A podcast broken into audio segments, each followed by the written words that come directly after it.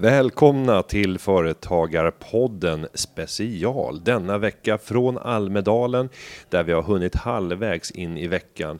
Eh, mycket kretsar kring småföretagande i den delen vi deltar i, men det är över 4000 aktiviteter som sker här på plats. En ohygglig samling av människor. 43 500 uppskattas det till. Idag har jag en specialgäst. En person som har ägnat en stor del av sin karriär åt att studera just företagande och inte minst när det kommer till hur man framgångsrikt ska kunna göra ägarskiften. Så jag säger stort och varmt välkommen till Rolle Dansell från Grant Thornton. Tack så mycket Günther. Det känns jättespännande att få vara med på det här samtalet och på plats i Almedalen. Det gör det ännu mer spännande. Och din roll på Grant Thornton, där står det marknadsområdeschef Nord och Göteborg. Ja, En lite ovanlig kombination. det kan man säga. Vi är kanske bättre på det här med siffror än på geografi. Eh, Men jag har tidigare varit chef för vårt kontor i Stockholm i nio år och när jag tog mig an våra kontor i Norrland, 14 kontor, så kändes det logiskt att jag även skulle coacha kontorschefen i Göteborg eftersom det var ett storstadskontor och lite nära Stockholm. Och om vi nu går vidare på ditt eh, engagemang i eh, ägarskiftesfrågor, hur har det yttrat sig? Jag har alltid, eh, även sedan min revisorstid, jobbat med ägarledda företag och med rådgivning till ägare mycket runt deras utmaningar. Och en utmaning alla ägare får förr eller senare, det är ju att någon annan ska ta över bolaget. Ett bolag kan ju leva för evigt, till skillnad från, från ägaren. Och oftast sker det när man närmar sig pensionering, men en del överlåter ju sina bolag betydligt tidigare än så. Så att det, det har varit många sådana frågor att stötta företagare i. Och det här har till och med renderat i att du har ägnat stor tid åt frågan och till och med eh, förlöst en bok i ämnet. Ja, det stämmer. Jag har med en, en, en kollega och en mycket god vän, Satishen, som jag samarbetat med i många år, så bestämde vi oss för ett år sedan att ta vår gemensamma samlade kompetens och eh, intervjua en mängd företagare som hade genomfört ägarskiften i de, de senaste åren eller höll på med ägarskiften och försöka lyfta den här frågan tillsammans. Och den boken lanserade vi i, slutet på maj. Och om du får börja med att ringa in problemområdet som finns kring ägarskiftesområdet. Vad är det du skulle säga är de största utmaningarna för Sverige och svenska företag när det kommer till ägarskiften? Ja, men det finns nog utmaningar på lite olika nivåer. Eh, eh, Men företagarna kom med ganska intressant undersökning i november Eh, mot de här företagen som står för ägarskifte. Och det var en ganska stor andel, jag tror uppemot 25 procent, som var lite osäkra på om det skulle gå att överlåta företaget till någon. Och trodde kanske till och med inte att det skulle gå. Så att det finns en stor osäkerhet runt den här frågan. Eh, och, och, och det är delvis en brist på kompetens och erfarenhet. Man har inte gjort det här förut och, och då, då tar man sig inte fram i den här djungeln över hur det här ska gå till. Så, eh, så det, det är nog, nog en orsak att, att det finns en okunskap. Och den har vi tyckt det är viktigt att råda bot på. Man kan säga att den här boken är en slags hjälp till självhjälp eh, för de här företagarna. Och den okunskapen, vad får den för konsekvenser då? Alltså den får en konsekvens att man egentligen börjar alldeles för sent med att förbereda sitt företag för, för, för ett skifte och, och, och att man kanske inte ens en gång försöker att, att göra ett skifte av sitt företag och det slutar med någon form av nedläggning av verksamheten. Och skulle du bedöma att det problemet är, är omfattande? Är det många företag i Sverige som tvingas till nedläggning på grund av att ägarna slarvat i förberedelsen för att kunna ha ägarskifte som ett alternativ? Jo, men det, det blir ju den, den yttersta konsekvensen för att eh, om man driver sitt företag eh, kanske lite för länge och man inte har den bästa energin på slutet så, kommer ju, så utvecklas ju verksamheten oftast lite negativt och, och det går sämre och resultaten försämras, det blir förluster och då blir ju risken att det slutar med en nedläggning eller till och med en konkurs. Eh, och, och, och det är liksom konsekvensen av att börja lite för sent med, med att ta tag i den här frågan. Och jag tänker att vi kan ha två perspektiv nu när vi går in och diskuterar det här. Det ena är ju företagaren själv att förbereda ett bolag för att för ett möjligt ägarskifte och det är ju inte alls så att eh, man nödvändigt måste se att det kommer att ske. Det finns ju många positiva aspekter med att ändå vidta de åtgärder som man gör för att maximera möjligheten för ett ägarskifte, även om man inte gör det. Men jag tänker också att vi ska ta lite det andra perspektivet att eh, vara köpare, att köpa en, en verksamhet. Så Jag tänkte att vi ska försöka skifta perspektiv lite, lite fram och tillbaka. För jag vet att det är många som lyssnar på podden som också när en dröm om att starta ett företag och där det faktiskt är så att många av dem skulle nog falla bättre ut om de köpte en befintlig verksamhet och successivt jobbade sig in i ett ägande. Men det kan vi återkomma till. Men om vi då går till eh, ägarskifte och förberedelser för att göra sitt bolag potentiellt säljbart. Vad är de viktigaste parametrarna att tänka på? Jo, eh, några är ganska självklara, men det är viktigt att det är ordning och reda i verksamheten när man överlåter ett bolag. Ordning och reda är ju att bokföringen fungerar, det finns en rapportering, eh, korrekta resultat, korrekta årsredovisningar, man har ordning på sina avtal med sina kund och leverantörsrelationer, anställningsavtal med personal, eh, man har rätt försäkringar och de här grundläggande ordning och reda på formalian, den är väldigt viktig att ha. Eh, och det, det, styr oss, det är också viktigt för den som tar över bolaget att det är ordning och reda. Det på, och det är ett väldigt enkelt sätt att också få bra betalt för sitt bolag, är att skapa ordning och reda i verksamheten. Ehm, så det är en del. Men jag skulle vilja säga att den kanske viktigaste frågan för ägarledda företag, och det hör man ju på namnet, det är ju att i ägarledda företag så jobbar också ägaren. Det är en stor tillgång för företaget, för ägaren lägger ner mycket energi, jobbar mycket i verksamheten, beredd att avstå lön om det inte går bra, beredd att investera pengar, belåna hus och hem när det behövs pengar i bolaget. Men det gör ju också bolaget att det blir beroende av sin ägare. Det finns ett ägarberoende. Och det där behöver man successivt minska inför eh, en försäljning och helst göra det på ett sätt att man faktiskt kanske inte är den som leder den dagliga verksamheten när man väl överlämnar bolaget utan man kanske mer styr bolaget strategiskt från en styrelse eller någonting. Och om du ska ge någon råd för hur man successivt kan avträda från liksom den operativa vd-rollen kombinerat med ägarrollen. För det, jag tror att det är ganska jobbigt eh, psykiskt att gå från att eh, få bestämma allting till att ta in en extern vd. Jag har sett många företag som har misslyckats i ett sånt skifte. Men kan man göra den resan i mjukare steg? Ja, men, och, och det kan man om, om den får ta tid. Så kan man göra den i mjukare steg. Och jag vet forskningen har, vi hade Leif Melin på ett rundabordssamtal i Almedalen förra året och han sa att det finns ju känslomässiga hinder i att de här överlåtelserna inte kommer igång, att man börjar förbereda sig för sent för det. Vad ska jag göra sen? Jag har jobbat med, det här är mitt livsverk. Jag har jobbat med, jag identifierar mig med företaget. Det har gjort mig att jag känner på orten och är med i alla nätverk och det hänger ihop med att jag har företaget. Så man, och, och det här är väldigt svårt att bara ändra från en dag till en annan. Det är ju risken att det blir dåligt för företaget och för dig som företagare. Och då är det viktigt att man, att man faktiskt successivt har små steg.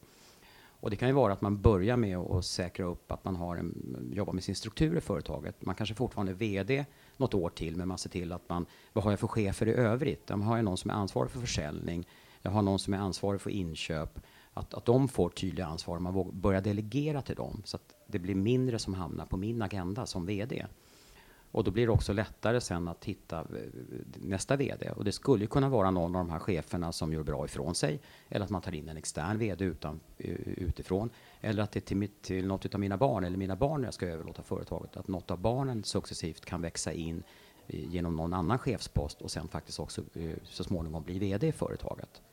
Och om vi tittar på styrelsefrågan. Hur viktigt anser du det är att man har en, eh, ett fungerande styrelsearbete annat än vad det kan se ut som tre stycken släktingar på, på pappret och sen så färdigskrivna protokoll som kommer från redovisningsfirman. Nej, men jag, jag, tror att eh, det är väl också ett sätt i det här att, att, man, att styrelsen har till ansvar att jobba med de mer långsiktiga framåtriktade frågorna. Och ett sätt att skapa ordning och reda i ett företag det är ju att säkerställa att man har ett bra styrelsearbete. Och då kan det underlätta också att man inte bara sitter där själv eller, och, och folk från familjen eller andra företag utan man faktiskt tar in externa personer. Och då är det viktigt, eh, det är, precis som du säger, det är väldigt lätt hänt att man tar in en kompis. Men här måste man kunna skilja på, på kompis och kompetens och titta på om man ska ta in någon annan i företaget, någon extern person. Vad är det bra att han eller hon kan? Vad de har för erfarenheter? Jag menar, ska jag etablera bolaget utomlands kan det vara superbra att ta in någon i styrelsen som har den erfarenheten. Eller är det så att jag ska sälja företaget om några år och det ska skolas in en ny VD förutom mig själv, då är det bra att ta in en styrelseledamot som har varit med om att ta in en extern VD i ett ägarlett företag. För då får man ju kompetens på köpet. Sen ska de naturligtvis också ha styrelsevana så de vet hur ett styrelsearbete bedrivs så att det blir rätt frågor på agendan i styrelsen. Och om jag skiftar perspektiv till köparperspektivet och det är oftast där jag har varit. Jag har förvärvat bolag tidigare. Då ser jag väldigt positivt på om det finns en extern ägare som kontrollerar 5 eller 10 procent. För det blir någonstans en, en eh, säkerhet för mig om att det har funnits ett eh, intresse som har varit passivt eller delvis aktivt men som inte har funnits inne i den operativa driften. Och det gör att jag känner mig tryggare med det jag ser i verksamheten. För det finns så mycket annat som man skulle kunna göra som man egentligen inte borde. Men om man kontrollerar verksamhet helt själv så är det inte lika viktigt. Nej. För det bekommer ingen annan Nej. om hur du fördelar uttag av lön eller utdelning eller eh, vad som har tagits på firman eller inte och hur investeringar har redovisats och liknande. Eh, är det ett bra tips inför en försäljning att ta in en ytterligare liksom finansiell ägare? Vad finns det för för och nackdelar med en, en sån? Nej, men, eh, ja, fördelen är uppenbar, för det, eh, fördelarna är, är, ganska uppenbara därför att det kommer också sätta lite press på att skapa just ett fungerande styrelsearbete. För att är man en, en, en ägare som inte är med i den dagliga verksamheten så, så då vill man ju ändå jobba med den strategiska utvecklingen och då är ett, ett tydligt styrelsearbete blir också en bra chef för VD. Och det blir, det blir också så att, att de här eh, uttagen man ju många gånger gör som ägare, när man kanske äger, äger bolaget till 100 procent, är man beredd att ta en viss kanske risk då skattemässigt. Eh, och, och, och, och, det kan man inte göra när man har, har externa personer i, i sin styrelse, så att det finns en tydlig koppling. En annan fördel kan ju också vara det att då säkrar man upp ett styrelsearbete som fungerar utan mig som ägare när jag ska överlåta verksamheten. Eh, så det, det kan, kan finnas många Ja, det kan, ju till och med, det kan till och med vara så att den nästa köparen kommer att vilja ha kvar den här externa styrelseledamoten också ja. för att kunna få en brygga över om den tidigare ägaren kommer att checka ut i samband med förvärvet. Sen om man ska titta på köparperspektivet som är, som är spännande och, och, och, vi, vi jobbar ju med dubbla perspektiv i boken när vi tittar på den här processen för att vi ser ju att även en köpare behöver ju förbereda sig på, på ett bra sätt. Och, eh, och, och, då är det lite olika saker. Men man, egentligen är det, handlar det om två saker att ta över ett företag. För det ena är ju att man ska ta över ledarskapet över företaget. Och det andra är att man fysiskt ska köpa företaget och, och bli ägare. Och det är egentligen två helt olika saker. För det här med att köpa ett företag, det, det kan, kanske inte kräver jättemycket förberedelsetid. Man, man kan lätt ta hjälp av rådgivare som man gör rätt underlag till banken och till tänkbara finansiärer och, och, ta den hjälpen. Man kan få hjälp med avtal när det ska skrivas och så. Men det här med att ta över ett bolag och, och förbereda sig som le, för ledarskapet, eh, och, det, och det, kan, det, ser väldigt olika ut. För om du tänker att det är barnen som ska ta över, då växer de upp i företagets kultur, de jobbar i företaget, de kan företaget och de behöver då tränas i ledarskap eh, för att kunna också leda företaget. Men du kan ju komma utifrån och ta över ett företag och vara en duktig ledare för att du har varit ledare förut och i, i organisationer eller ett företag varit VD men det du behöver då eh, sätta dig in i, det är kulturen i företaget innan man kanske börjar ändra en massa. Eh, och lära sig hur företaget fungerar. Så, att, så det, det, här ser ju lite olika ut. Och det tror jag erfarenheten är de vi intervjuade som hade kommit utifrån och tagit över företagen. Att de tyckte alla att de hade nog haft lite för bråttom att gå in och ändra på saker. Eh, så de fick stanna upp och börja om lite och få bygga förtroende med medarbetarna. Och sen kunde de ju genomföra sin förändringsagenda så att säga. Om vi ska börja prata om hur värdefullt det kan vara och det är svårt att kvantifiera såklart. Men att eh, göra en resa där man vidtar ett antal åtgärder. Jag tänker att du ska få, få spjälka upp det lite grann och berätta de olika stegen som man kan vidta. Vad är det för skillnad i, i bolagsvärde? Kan man prata om det i procent räknat? Kan man dubbla värdet på sitt bolag om det går från att eh, fungera bra. Det är en schysst omsättning, det stiger, lönsamheten är fin, men det är väldigt mycket oordning. Det finns inga avtal färdiga. Det är mycket muntliga överenskommelser. Mycket finns i ägarens huvud, inte dokumenterat. Det är väldigt få processer. Kan man till och med dubblera värdet på ett bolag genom bara det så att säga, förberedande, mer administrativa bakomliggande arbetet? Om det kan man, om man skulle kunna säga omvänt, man kan mer än halvera värdet på ett bolag genom att inte göra det. Men, men det är ju så att de, de värderingsmodeller man jobbar med, de utgår ju generellt sett från vinstnivåerna, som den vinstgenerering som bolaget har.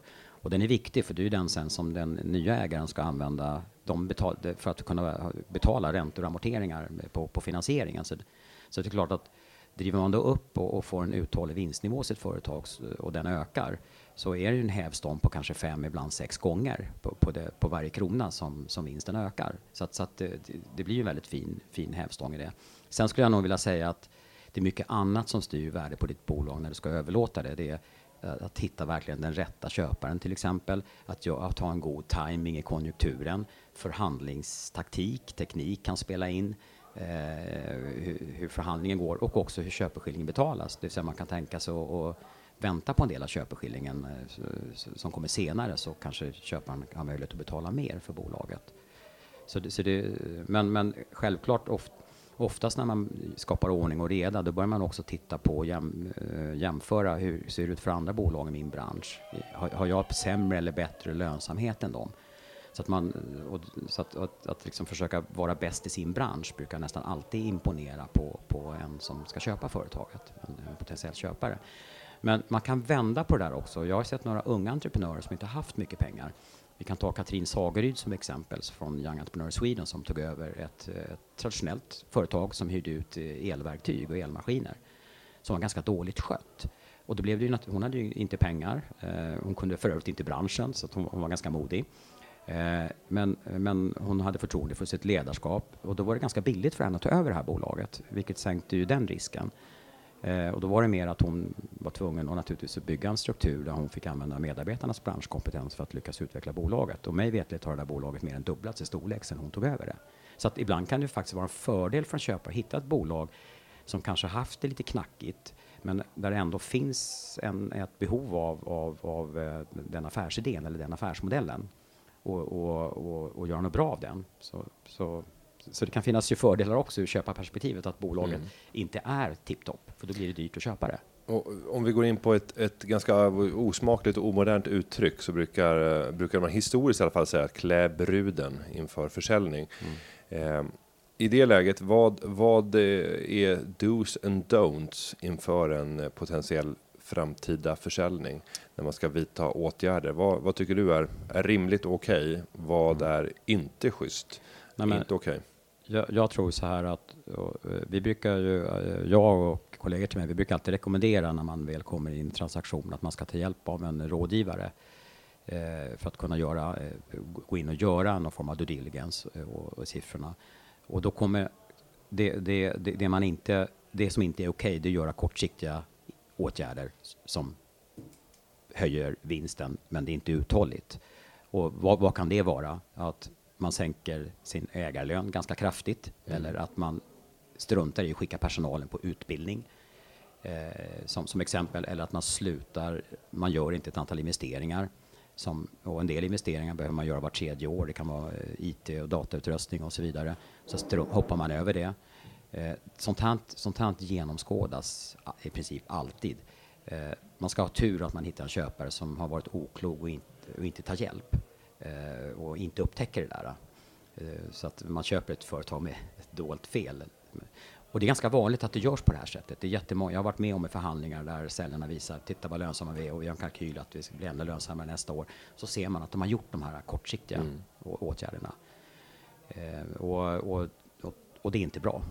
Sen nämner du hastigt ett ord, due diligence. Ja. DD som man säger ibland. Vad innefattar det och vad, vad är en due diligence? Genomlysning. Ja, ett bättre ord är ju företagsbesiktning. Mm. Eh, och det, den innefattar ju att man gör en ekonomisk genomgång av, av eh, ja, resultat och balansräkning och, och, de rapporter som är att, att de är rimligt korrekta. Och det är klart, har bolaget revision så är väl det en slags kvalitetsstämpel. Men man, man tittar ändå igenom det, att, att, att man är, kanske inte kortsiktigt har gjort de här förändringarna. Sen eh, finns det också en juridisk del i att man går in och tittar på avtalen och titta vad, vad har det här bolaget för avtal? Har man ordning på avtalen? Och, och, och sen försöker man också fånga riskerna i due diligence. Och det kan ju vara att man upptäcker att man vill titta in hur eh, är företaget beroende av en stor kund eller en stor leverantör. Och när man är beroende av en stor leverantör finns det risken när man gör bra från sig vill de starta bolag själv i Sverige kanske och, och säger upp samarbetet. Så, att, så, att, så man försöker också gå in och titta på riskaspekter i verksamheten. Mm. Fångar affärsriskerna helt enkelt. Men om vi ska lyfta upp några framgångsexempel, för det har ju funnits när du har tagit fram den här boken och genom hela din karriär så är den ju fylld av både, framgångsrika exempel förmodligen och en del bedrövelser. Men om vi börjar med framgångar, vad du skulle vilja lyfta fram särskilt? Jag skulle vilja lyfta fram särskilt att man har jobbat långsiktigt med frågan, man har börjat i tid. Eh, du var inne på ett resonemang här att ibland kanske man ska låtsas att man ska sälja sitt företag om några år för att företaget mår ändå bra av att man faktiskt sköter företaget på ett bra sätt. Så att man, att man jobbar långsiktigt med att alltid ha ordning och reda i verksamheten. Så det, det är en parameter. Eh, Den andra parametern är att man har lyckats göra bolaget lite mindre ägarberoende. Och, men vi, och vi har också sett det att företag som lyckas växa uthålligt. Vi studerade gasellföretag för ett antal år sedan, det, det är Gasell och, det, och, vi kan vara lite nördiga då, vi som håller på med siffror i vår bransch. Vi undrade hur många gasellföretag hade det varit under en femårsperiod? Ja, det var 4800. Ja, men hur många var unika? Det var 3500. Så några hade blivit det mer än en gång med andra ord. Och då kommer den här nörd, nördvarningen. Mm. Hur många hade blivit i fem år på raken? Och det var nio företag. Och vi tittar på de här nio. Vad, vad hade de lyckats med? Jo, de hade lyckats ömsa skinn hela tiden. De hade lyckats, de jobbade hela tiden med sin struktur. Nej, men nu har vi vuxit så här mycket. Vi behöver nog ha en konsultchef. Nej, nu, nu kan inte jag både vara VD och säljansvarig och marknadsansvarig i mitt företag, för det har blivit för stort. Och så hade man, hade man liksom lyckats ömsa skinn. Medan de här företagen som, som bara blev det en gång, det är lätt att bli 15-20 anställda, men, men jobbar du inte med din struktur så, så, så, kommer du inte fortsätta växa, för som ägaren hinner inte med allt. Och, och, och det där Eh, är också en viktig faktor att hela tiden i takt med att man växer fundera på okej, okay, hur ska jag organisera mig nu? Eh, och, och, och, och, hela tiden då jobbat med den här eh, ägarberoendefrågan att det, det finns andra nyckelpersoner i företaget också. Och för att förklara definitionen på vad som krävs för att man ska definiera som en gasell enligt DI är ju bland annat en fördubbling av omsättningen vart tredje år. Vart fjärde år. Vart fjärde till och med. Mm. Mm. Så det blir en, en eh, tillväxt på vad då? Ränta på ränta? Ja, 20, 21, 20. Ja, mm. Strax över 20 procent per mm. år. Och det är inget, jag menar inte att det är ett självändamål att det ska vara så, men det, men det är ohyggligt få som lyckas med det nio år i rad. Och, och de som har lyckats med det, det, det de har gjort, det är ju mm. att, att de faktiskt har jobbat med sin struktur. Eh, det, vi tittade också på några företag som var gasell i början, blev det inte, och sen kom tillbaka i slutet. Och jag ringde upp två sådana företag. Och båda sa det att ja, men vi insåg att det blev jävligt rörigt och så kom vi på att ja, men vi måste nog kanske organisera oss lite bättre. Ett så gjorde de det. År, ja, och så gjorde de det, så började de växa igen. Mm. Att, och om, vi, om vi går vidare och tittar på uh, fler, fler framgångsexempel och det du har studerat, vad är det som särskilt sticker ut? Nej, men, uh, jag, jag, tror, och, och, det ser lite olika ut då beroende på vilken typ av skifte det är. Men uh, Eh, det, det, jag upptäckte eh, och jag och Satish upptäckte i boprojektet var att vi träffade just några ganska unga entreprenörer som, eh, som tyckte att det var spännande att ta över företag. Och en framgångsfaktor för den som ska överlåta sitt företag till nya ägare, det, det är att, att våga söka sig lite bredare när man tänker på vem kan ta över mitt företag. Det kanske inte bara är barnen. Det kan finnas anställda som vill ta över det. Det kan finnas uh, unga entreprenörer på orten som kanske vill ta över det. Det kanske finns en, en konkurrent eller tänka ut, tänk, det här är inte riktigt min bransch, men den här branschen kanske skulle må bra av att bredda sin affär lite. Eh, alltså att man har man har tagit sig tid att tänka ut lite mer. Vad är det för, eh, för möjliga tagare av mitt företag? Och, och, när man då upptäcker att det finns flera, då har man ju också kunnat långsiktigt jobba med, med att och skapa relationer med dem. Och då har man i slutändan fler intressenter att ta över bolaget och en bättre situation som, som, som säljare så att säga. Mm. Eh, och jag sitter och funderar på hur jag själv leder bolag. Jag är engagerad i två stycken och där för vi diskussioner redan nu om att eh, förbereda för en potentiell börsnotering mm. om fem år. Mm. Eh, jag tror inte att det är jättesannolikt att vi kommer att göra det, men det förändrar våra processer mm. och bland annat så har vi nu i det ena bolaget börjat förbereda en investerarflik där vi ska börja ge ut kvartalsrapporter mm. Mm. Eh, och kunna få fram dem så fort som möjligt efter varje avslutat mm. kvartal allt det här arbetet gör ju att vi höjer kvaliteten något avsevärt mm. internt och mm. börjar fundera på ett helt annat sätt. Mm. Och min tro är att det här skapar enorma värden, även om det kostar tid. Mm. Eh, det kostar engagemang, men det betalar sig i form av att vår flexibilitet ökar och det är ju även i relation till, låt oss säga banker. Eh, en bank som ska låna ut mycket pengar till dig. I ett av mm. bolagen ska vi bygga en stor fabrik nu i ett nytt eh, hamnområde som byggs utanför Piteå i Lundqvist Trävaru. Och där eh, tror jag att banken uppskattar rätt ordentligt att kunna få den insynen, den informationen och att man förefaller vara ett företag som har ordning och reda och därmed får en lägre riskklass mm. än motsvarande bolag som inte har gjort det här arbetet. Mm. Så det finns ju många poänger med att faktiskt ägna lite tid och energi, även om det inte är speciellt entreprenöriellt, skulle du säga det? Det är inte typiskt entreprenöriellt att nej, lägga kraft, energi och tid på det här. Eh, jag skulle faktiskt vilja slå hål på en myt. Mm. Eh, för, för ett antal år sedan, eh, vi har roat oss att göra lite empiriska studier. Det är inte att vi kollar tusentals företag, men vi funderade på, finns det något framgångsrecept hos entreprenörer som har lyckats? Och då tittade vi på 15 entreprenörers företag och det var sådana som hade grundat bolagen drivit upp dem och helt eller delvis gjort en exit. Så då kan man säga att det, det, det, det fanns en slags framgångssaga i det. Och en sak de faktiskt hade gemensamt, vi hittade fem, sex saker de hade gemensamt. En sak de här 15 hade gemensamt, alla hade haft ordning och reda i sina företag. Så att jag skulle vilja höra, det är en myt att ordning och reda skulle hämma framgångsrikt entreprenörskap. Jag skulle vilja säga att det är en förutsättning för ett framgångsrikt långsiktigt entreprenörskap, att du prioriterar ordning och reda. Sen kanske entreprenörerna som sådana inte älskade det, men då, någon sa det att men jag såg till att hela tiden ha en bra ekonomichef som, och stämde av med revisorerna att han eller hon fattade vad de gjorde. Och när de inte tyckte det längre, då fick jag anställa en ny som klarade av det stora företag som hade blivit. Så de, de prioriterade, de förstod att jag måste ha någon som hjälper mig med ordning och reda. Och, och det var faktiskt en, det hade de, alla de här 15 gemensamt. Mm. Ja, det skapar stora värden och nya möjligheter för företagaren. Definitivt. Sen, sen, sen, tror jag att eh, eh, notering, eh, vi har ju sett det som när man tittar på möjliga eh, tagare av ett företag eller köpare, att notering kan ju vara en, en, en, en möjlig så att säga, väg ut då, exit. Eh, och det är inte så dumt att tänka det, men min erfarenhet är att många som har tänkt det, så har exiten blivit någonting annat mm. innan. För som du sa, man har blivit väldigt attraktiva eh, och, man, och det ska jag också säga som en framgångsfaktor att eh, om du funderar på vem som ska ta över ditt företag, det bästa du kan göra är ju att driva det lönsamt. För då, då är risken, eller möjligheten ganska stor att du blir upptäckt. För det finns ju potentiella köpare, riskkap eh, riskkapitalvärden till exempel, men även personer jag känner som har ägt företag, sålt dem långt innan pension och vill in i nya verksamheter. De ligger och kartlägger. Vad finns det för lönsamma företag som, som ägs av gamla personer? Och då kollar de hur gamla de är som sitter i styrelsen, för de är ju nästan alltid ägare. Och så, så kontaktar de och frågar om de vill sälja. Så ett bra sätt också att, att bli kontaktad det är ju faktiskt eh, att driva bolaget lönsamt och på ett bra sätt så det syns i siffrorna eh, hos upplysningscentralen eller på eh, olika sajter där ekonomisk information finns. Och nu tänkte jag passa på att dela med mig av ett ganska enkelt och, och lättillämpligt eh, tips. Och det handlar om eh, bjudlunch eller bjudmiddag. Leta efter intressanta bolag i nära anslutning eller direkt i din bransch som du på något sätt imponeras över. Eh, ring upp den som äger det bolaget och överös med smicker och säg att du skulle vilja bjuda på en lunch eller en middag för att få höra mer om den här personens tankar och idéer kring utvecklingen och säg att du eventuellt har, har idéer kring vad de skulle kunna göra tillsammans. Mm. Det här kan vara ett fantastiskt sätt att eh, ansamla sig både inspiration och nya kunskaper och även skapa potentiella affärer.